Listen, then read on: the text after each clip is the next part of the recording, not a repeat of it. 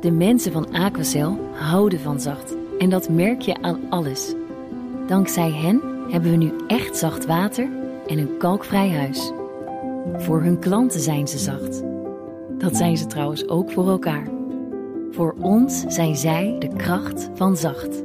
Aquacel. 100% zacht water, 100% kalkvrij.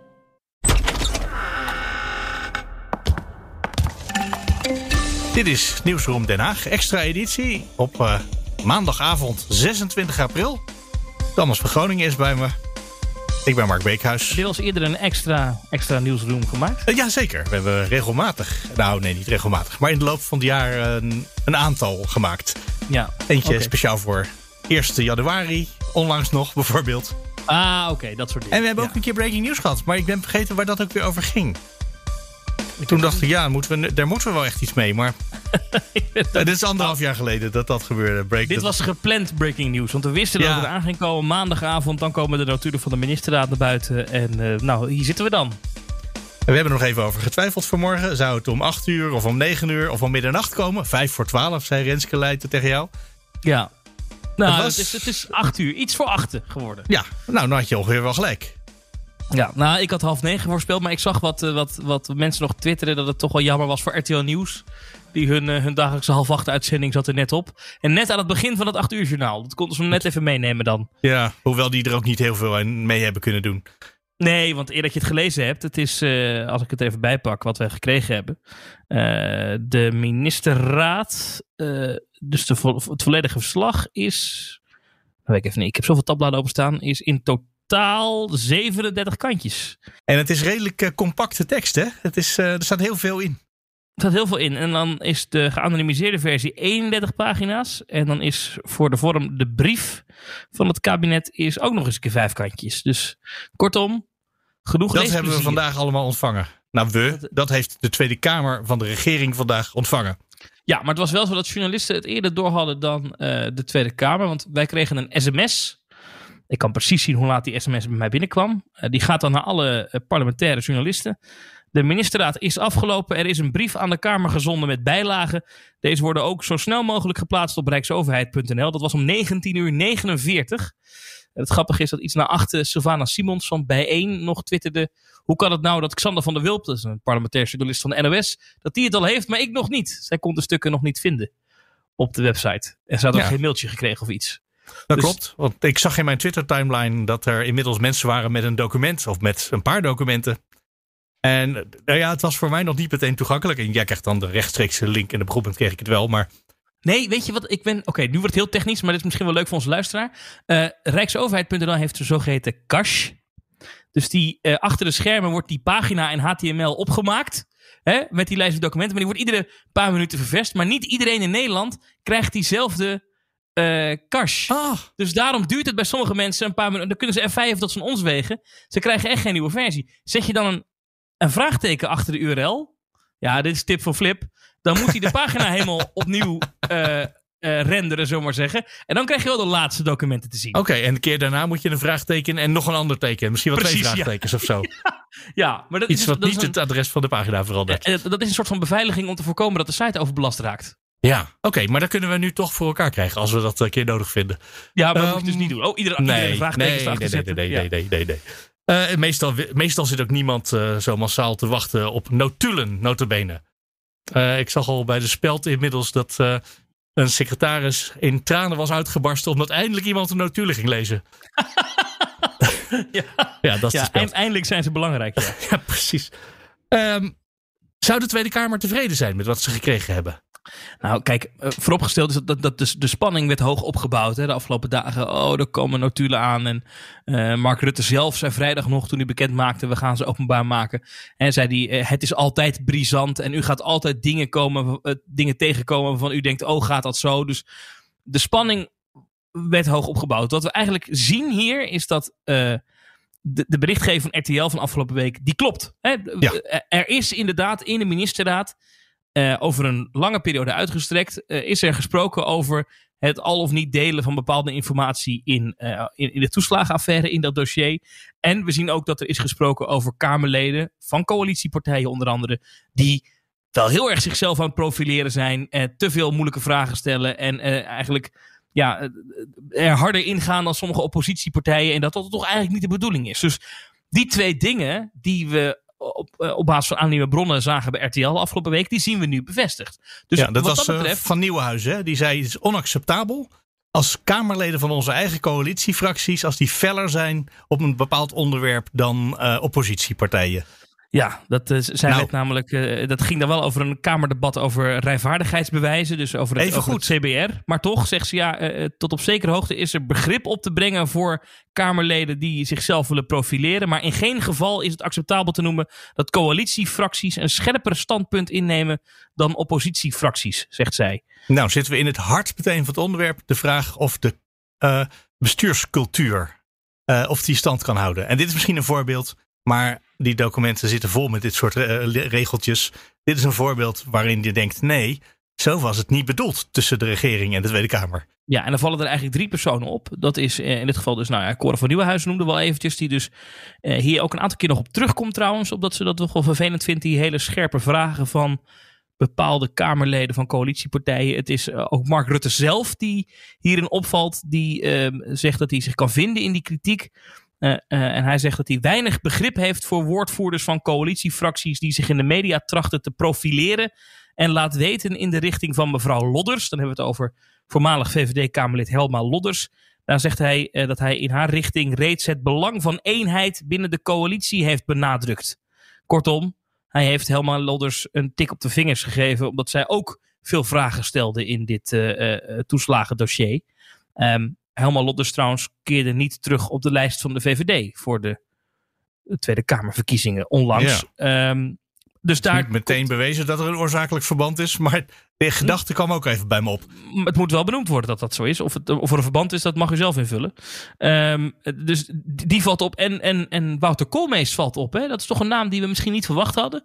Uh, maar die uh, geeft toch in, in deze ministerraadvergadering een aantal keer aan dat hij toch wel moeite heeft met een aantal Kamerleden die uh, snel heel erg aanvallen, heel veel vragen stellen. En hij zegt ook dat ze eigenlijk niet, ehm, niet eh, constructief willen helpen uh, om het probleem op te lossen. Namelijk, hè, het gaat om het probleem dat er heel veel misgaat bij die toeslagen. En hij zegt eigenlijk, ik, ik parafraseer even, hè, maar hij zegt eigenlijk, ja, die Kamerleden zijn alleen maar bezig met schulden aanwijzen en heel hard te ingaan en profileringsdrang, maar dus niet bezig met het, eh, het helpen van hoe gaan we Menno Snel nou, de staatssecretaris die daar toen nog verantwoordelijk voor was, om dit probleem op te lossen. Maar misschien kan ik toch wel een beetje begrijpen, want het is natuurlijk wel gewoon twee keer dezelfde partij. Het is een D66-minister en het is een D66-staatssecretaris. Dus allicht dat die proberen elkaar een beetje te steunen in zo'n vergadering. Uh, ja, dat, de, op zich is dat een Daarmee logische goed, redenatie. Maar daarbij valt dan wel bijvoorbeeld weer iemand anders op. Uh, namelijk uh, Sigrid Kaag. Ja. In een van die debatten die gaan ook over die, over die Kamerleden die doorvragen. Dan zegt, staat hier, ik citeer even. Minister Kaag laat weten minder moeite te hebben met het verschijnsel dat leden van coalitiefracties in de Tweede Kamer zich openlijk tegen het kabinet afzetten. Het is immers in democratie. Het is immers in een democratie een gezond teken dat er fel wordt gedebatteerd, ook door leden van coalitiefracties. Naar verwachting zal het overigens in de aanloop naar de Tweede Kamerverkiezingen in maart 2021 steeds vaker plaatsvinden. Dat merkt Kaag dus op. Ze zegt daarbij wel het volgende. Wel dient dit debat binnen bepaalde kaders plaats te vinden. Spreekster, dat is dus Kaag, stelt voor dat het kabinet in overleg met de voorzitters van de coalitiefracties bespreekt welke kaders hierbij werkbaar zijn en deze ook kenbaar te maken aan een ieder. Hm. Opgemerkt zij dat. Ik ging, bijna, ik ging bijna zeggen dat mevrouw Kaag daadwerkelijk voor die nieuwe bestuurscultuur stond.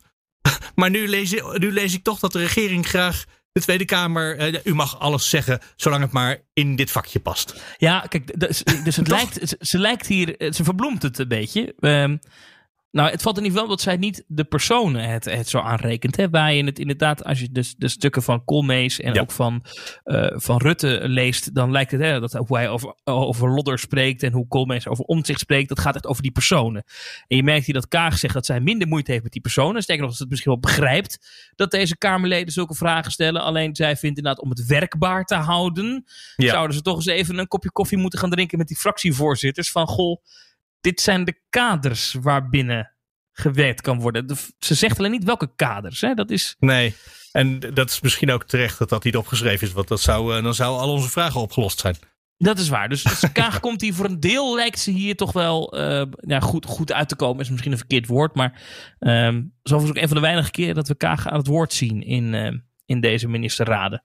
Dus dat betreft kan ik nog wel begrijpen dat ze want verder dacht, was ik er wel bij, want we horen er niet zoveel. Nee, want verder valt mij echt op. We hadden het vrijdag eh, in de podcast over de vraag. Uh, hoeveel zou iedereen nou met elkaar in gesprek zijn over al die onderwerpen? Toen zei je nog, nou, als het redactievergadering over sport gaat, dan wil ik dan wel eens even naar mijn telefoon kijken. Ja. Maar in deze vergadering zie je dat alles en iedereen zich met alles en iedereen bemoeit, hè? Ja, het lijkt inderdaad toch wel een. Uh, het, echt een lijkt proces, wel, een team. Ja, ja, het is echt een team, eh, zo'n zo, zo, ministersploeg. Uh, we, we, zien de, minister van Infrastructuur die regelmatig uh, toch gesprekken meevoert als het gaat over dit. En de minister van Veiligheid en Justitie die, die zich bemoeit met een feitrelatie. Nou, oké, okay, daar zit ergens nog een link tussen.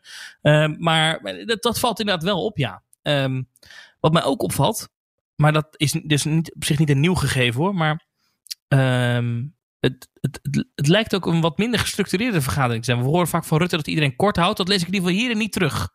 Um, maar het kan ook zijn dat dat gewoon niet genotuleerd wordt. Uh, dat, dat, uh, uh, er zitten hele lange lappen tekst in waarbij iemand ja. uitlegt hoe iets ervoor staat. En dan heeft iedereen ja, daarna vaak we, wel we een korte altijd, reactie daarop. Dat is, we horen ja. altijd de verhalen dat Mark Rutte houdt van kort en snel vergaderen. Maar, nou goed, de vraag is een beetje, wat, wat, wat, wat gaat hier nu in, in de next step mee gebeuren? Hè? Want Um, ja, ik wil nog even één dingetje. Want ja? daar, een van de vragen die ook voorlag was: is de Kamer nou wel of niet informatie onthouden? Is alle informatie waar ze om gevraagd hebben, is die, en waar ze recht op hadden, die tweede hoort daarbij natuurlijk, is dat gekomen?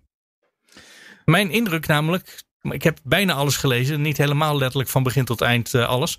Mijn indruk is dat ze dat de regering vond dat ze volledig in hun recht stonden, maar ik ben niet helemaal overtuigd. En Volgens mij was Grapperhaus ook niet helemaal overtuigd. De minister van Justitie. Die uh, op een gegeven moment zei: Ja, ik weet niet of meneer Snel hiermee wegkomt. Het hangt allemaal op de motie omzicht. Uh, de motie omzicht die verzocht twee dingen. Namelijk, er moest een volledig feitenrelaas komen als het gaat om die CAF-zaken. Die CAF, dat zijn dus die, die, dat zijn die zaken, die, die, die fraude-aanpakzaken. En uh, er moest compensatie komen voor die getroffen ouders. Dat, en het ding is, die motie die is door de Tweede Kamer aangenomen. Dus de Tweede Kamer heeft gewoon gezegd: wij willen dit hebben van het kabinet. Ja, en kabinet, de hele Kamer, hè? unaniem. Precies, voer dit uit. Kortom, er moest een feitenrelaas komen. En wat we zien, en ik, ik, ik val het even samen, we zien hier meerdere ministerraadvergaderingen, waarbij uh, uh, er iedere keer besproken wordt hoe snel zijn kabinetsreactie op die motie moet vormgeven. En daarin blijkt stapsgewijs dat dat feitrelaas toch ontbreekt. En het kabinet verschilt zich dan achter het argument dat, daar, uh, dat ambtenaren eigenlijk beschermd moeten worden. Hè? Het, het vrij denken van ambtenaren. Dat het gaat om beleidsnotities. Die maken we niet openbaar. Dat was destijds nog het standpunt van uh, het kabinet. Tegenwoordig denken ze daar uh, sinds de val van het kabinet iets anders over. Daar worden nieuwe gedachten over geformuleerd. Maar destijds was het nog zo. Was het staande praktijk binnen de Nederlandse overheid. Dat als je als ambtenaar een beleidsnotitie voor een bewindspersoon schreef dat je ervan uit kon gaan dat dat dan niet drie weken later op straat zou liggen. Want het was een advies dat jij schreef voor die bewindspersoon. wat dus... de bewindspersoon daar vervolgens mee deed, ja, dat is wat anders. Ja, precies. Dus de, uh, de minister is politiek verantwoordelijk voor al zijn ambtenaren. Juist. We gaan nooit iets horen van het bestaan überhaupt van een ambtenaar. En dat is het argument waar, waar, waar men zich achter verschuilt. Dat staat ook opnieuw in de brief. Dat is denk ik ook wat Rutte bedoelt met niets vreemds of onoorbaars. Hè, wat hij zei. We, we hebben rondom dat feit helaas niks vreemds gedaan. We hebben namelijk gedaan wat we altijd deden in die tijd. Namelijk dat soort informatie niet openbaar maken. Alleen waar de schoen hier wringt, en ik denk dat je daar een punt hebt, Mark, is dat de Tweede Kamer vroeg expliciet in die motie omzicht. We willen deze informatie wel. En ja. De Kamer dacht ook, wij hebben de grondwet achter ons staan. Artikel 68. En daar was de regering het mee eens. Dat wisten we ook al wel. Want daar is vaak ook openlijk over gediscussieerd. Maar dus mijn gevoel is dat daarom dat, uh, dat de twijfel van Grapperhaus... die volgens mij eerst nog zelf het plan mee had ontwikkeld... wat ze dan wel en wat ze niet gingen brengen... Uh, dat hij later erover ging twijfelen. Heb ik, heb ik dat goed gelezen, zo in de snelheid? Dat en, en toen zei, nou, ik weet niet of snel ermee wegkomt. Ja, dat is, dat is letterlijk wat hij, wat hij zegt. Uh, eerst is het nog Grappenhaus die zegt, uh, we memoreren eraan ehm, dat, uh, dat het kabinet in die motie wordt verzocht tot een volledig feitenrelaas.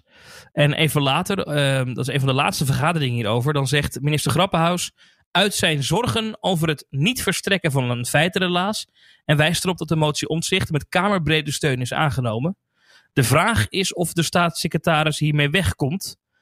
Grappenhaus biedt aan om samen met minister Hoekstra mee te denken over een wijze waarop kan worden gesteld dat de voorliggende kabinetsreactie toch een feitenrelaas bevat. Ja. Dan zegt snel de staatssecretaris dat hij bedankt voor dat aanbod. Hij laat ook weten daar gebruik van te maken. Wat betreft het feitenrelaas laat spreker dus snel weten hier niet op toe te geven. Dit zou eveneens verstrekkende gevolgen kunnen hebben voor andere dossiers. Kortom, men is bang als we nu door die motie uit te voeren dat feitenrelaas sturen en dus informatie die ambtenaren hebben opgesteld en dus die beleidsnotities te sturen, dan kan dat, dan opent dat een soort van doos van Pandora is de angst en dan gaat de Kamer talloze moties aannemen. Ik vul het even zelf in nu, hè. Om, ja. om allerlei van dit soort notities te krijgen en dat willen ze voorkomen, dus we gaan het niet doen. En dan zegt, uh, of dan wordt hij geconcludeerd in de notulen, de minister-president, Rutte dus, concludeert dat staatssecretaris Snel steun geniet van de Raad voor zijn benadering en structuur van de kabinetsreactie. Kortom, er is steun. En op dat moment, en dat moet wel gezegd worden, is er niemand, behalve Grappenhaus dus die het even aanstipt, is er niemand die daar zegt, hé hey jongens, ik ben het hier echt niet mee eens, ik sta hier niet achter. Ja, en dat komt natuurlijk op dat ze in de afgelopen jaren al heel vaak hebben volgehouden tegen de Tweede Kamer. Jullie begrijpen artikel 68 anders dan wij en wij hebben gelijk. dat is wel een beetje hoe de discussie tot nu toe liep altijd. Of daarvoor in elk geval. Juist. Ja, of je een document, het gaat over de vraag of je een document moet krijgen als je dat vraagt. Of je de naam van een ambtenaar moet, vragen, moet krijgen als je die vraagt. Of dat alles altijd door de pen van de minister moet gegaan zijn. En dat je alleen de versie van de minister te horen krijgt. Ik zit even te kijken hoor. Um, nou, de, ik heb die motie er even bij gepakt. Uh, dit is een motie van dit omzicht, 4 november 2019. Nou, de Kamer gehoord de beraadslaging en allerlei verhalen over, uh, over die kafzaken. En dan staat daar, verzoekt de regering tevens bij de rapportage in november ook een volledig feitenrelaas te verschaffen. Met onder andere wie, wanneer, welk besluit in kafgerelateerde zaken genomen heeft. En op basis van welke informatie en welke handelingen onrechtmatig waren. En gaat over tot de orde van de dag. Omzicht, Lodders, VVD-Kamerlid dus en Leiden van de SP. En daar staat dus wie wanneer welk besluit heeft genomen. En dat zijn dus ambtenaren. Ik wou nog even naar het, woord precedent, want dat komt sowieso een paar keer voor in die, uh, in die pagina's. Uh, ja. Uh, de PDF-zoeker zegt vijf keer. En overal komen. Er is, er is een keertje iemand die wil een deelrapport hebben. Niet alles, maar alvast even een tussenrapportage. En de regering is er eigenlijk nog niet aan toe. Misschien is dat wel een precedent wat we daarmee scheppen. We zijn heel erg bang, lees ik daarin, de controle over het proces te verliezen. Doodsbenauwd zijn ze. Ja, er worden ook een paar keer dingen aangehaald over hoe dat dan in de communicatie gaat. Hè, en dat woordvoeringslijnen en dat soort zaken. Dus ze zeggen, als je dus dit soort rapporten stuurt naar de Tweede Kamer, dan moet daar een brief bij zitten. Een kabinetsreactie. Ja. Dus Zonder, niet, kan niet. Want als je het zonder stuurt, en ik snap dat echt wel, als je het zonder stuurt, dan kan iedereen, dat is het vrij voor interpretatie. Terwijl als je het met stuurt, dan moeten wij ook in de media moeten meteen zeggen, ja, het kabinet zegt daarover dit en dit en dit. Ja. En, en daarom uh, heb, gaat het meerdere vergaderingen erover van moeten we dat nou wel of niet sturen. Uiteindelijk wordt besloten. Ja, de Kamer heeft er expliciet ook om gevraagd. Hè? Wij willen graag dat rapport zo gauw het er komt en we willen niet wachten tot u er een brief bij heeft. Ja, maar dat, die, die brief komt nog wel een keer. Daar wordt wel anders toe besloten blijkt. Ja, precies.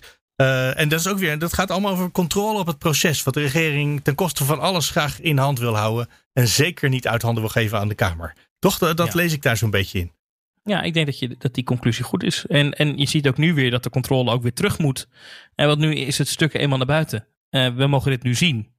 Nou, dit mogen de kranten allemaal analyseren. Dit zit vanavond in de talkshows. Overigens, uh, terwijl we het opnemen, zometeen gaat Wouter Koolmees dus in een talkshow aanschuiven. Terwijl hij wist natuurlijk dat dit eraan zat te komen. Dat dit over hem. Eh, dat dit er stond. Hè? Dat hij gezegd had dat die Kamerleden weinig behulpzaam waren bij de onderliggende problemen. Ik ehm, denk dat, dat het heel verstandig is om er maar meteen uh, gewoon er doorheen te gaan. Ja, maar ondertussen als met heel koud dus, zwemwater. Ja, even, even dat bad in en dan hopen dat het snel overwaart. Ja.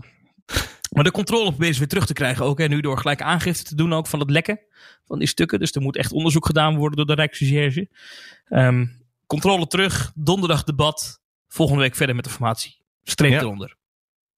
Er is nog één woord wat je net volgens mij zei. En anders dan vul ik het nog even aan. Uh, dat is niet alleen de controle houden, maar ook het, het beeld wat er naar buiten toe zou ontstaan. Dat komt er ook heel vaak voorbij. Dat uh, iemand iets voorstelt en dat iemand anders zegt: Nou, ik weet niet of het een goed idee is, want uh, misschien lijkt het lijkt een afleidingsmanoeuvre, las ik ergens. Het ging over het rapport van de commissie Donner. Daar staat iets, nou ja, die, die zegt onder andere: de Belastingdienst moet gereorganiseerd worden.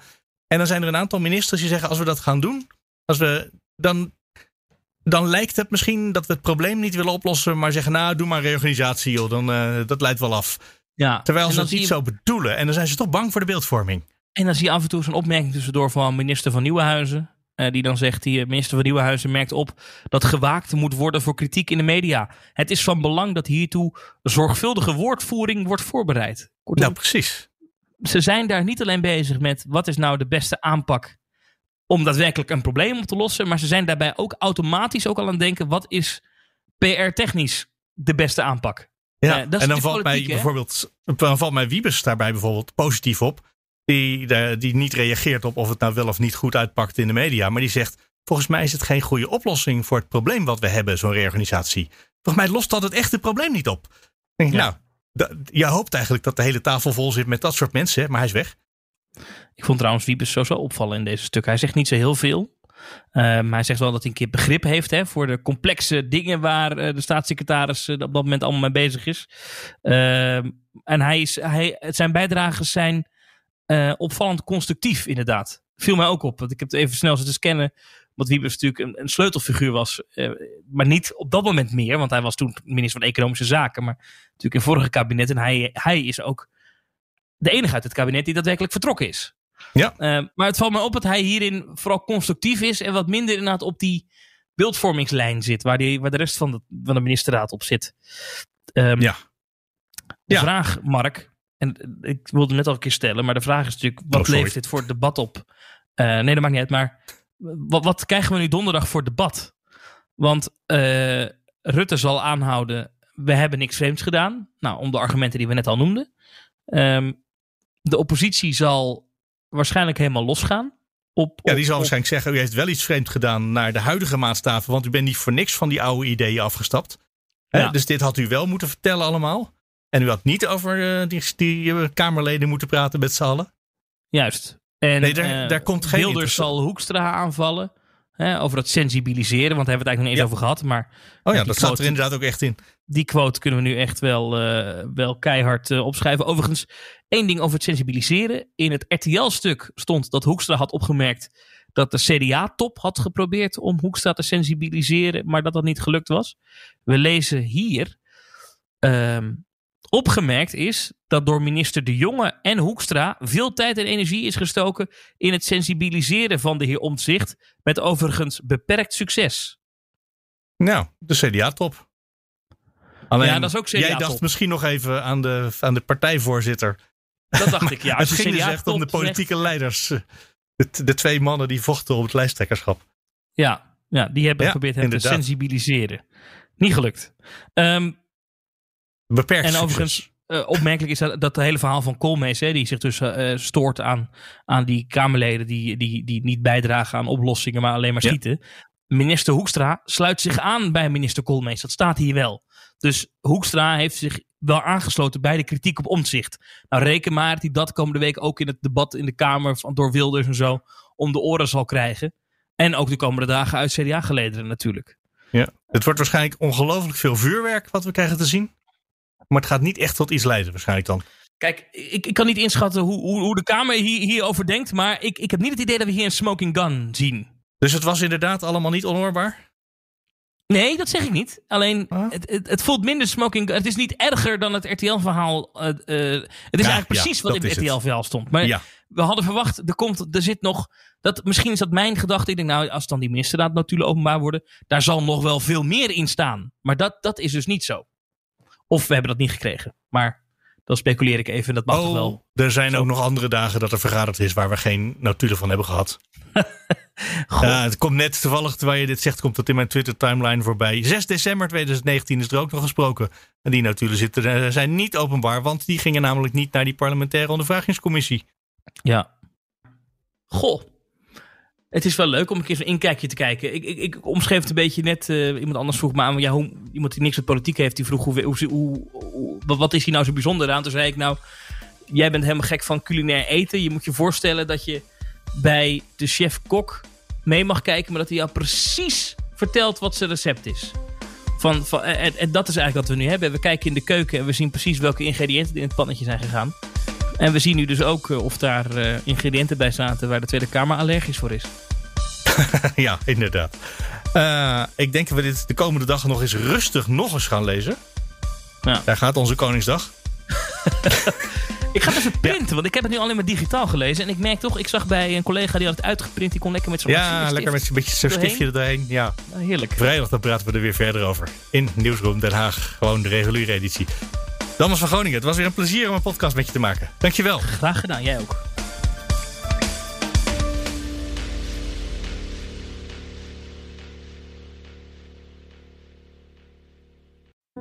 De mensen van Aquacel houden van zacht. En dat merk je aan alles. Dankzij hen hebben we nu echt zacht water en een kalkvrij huis.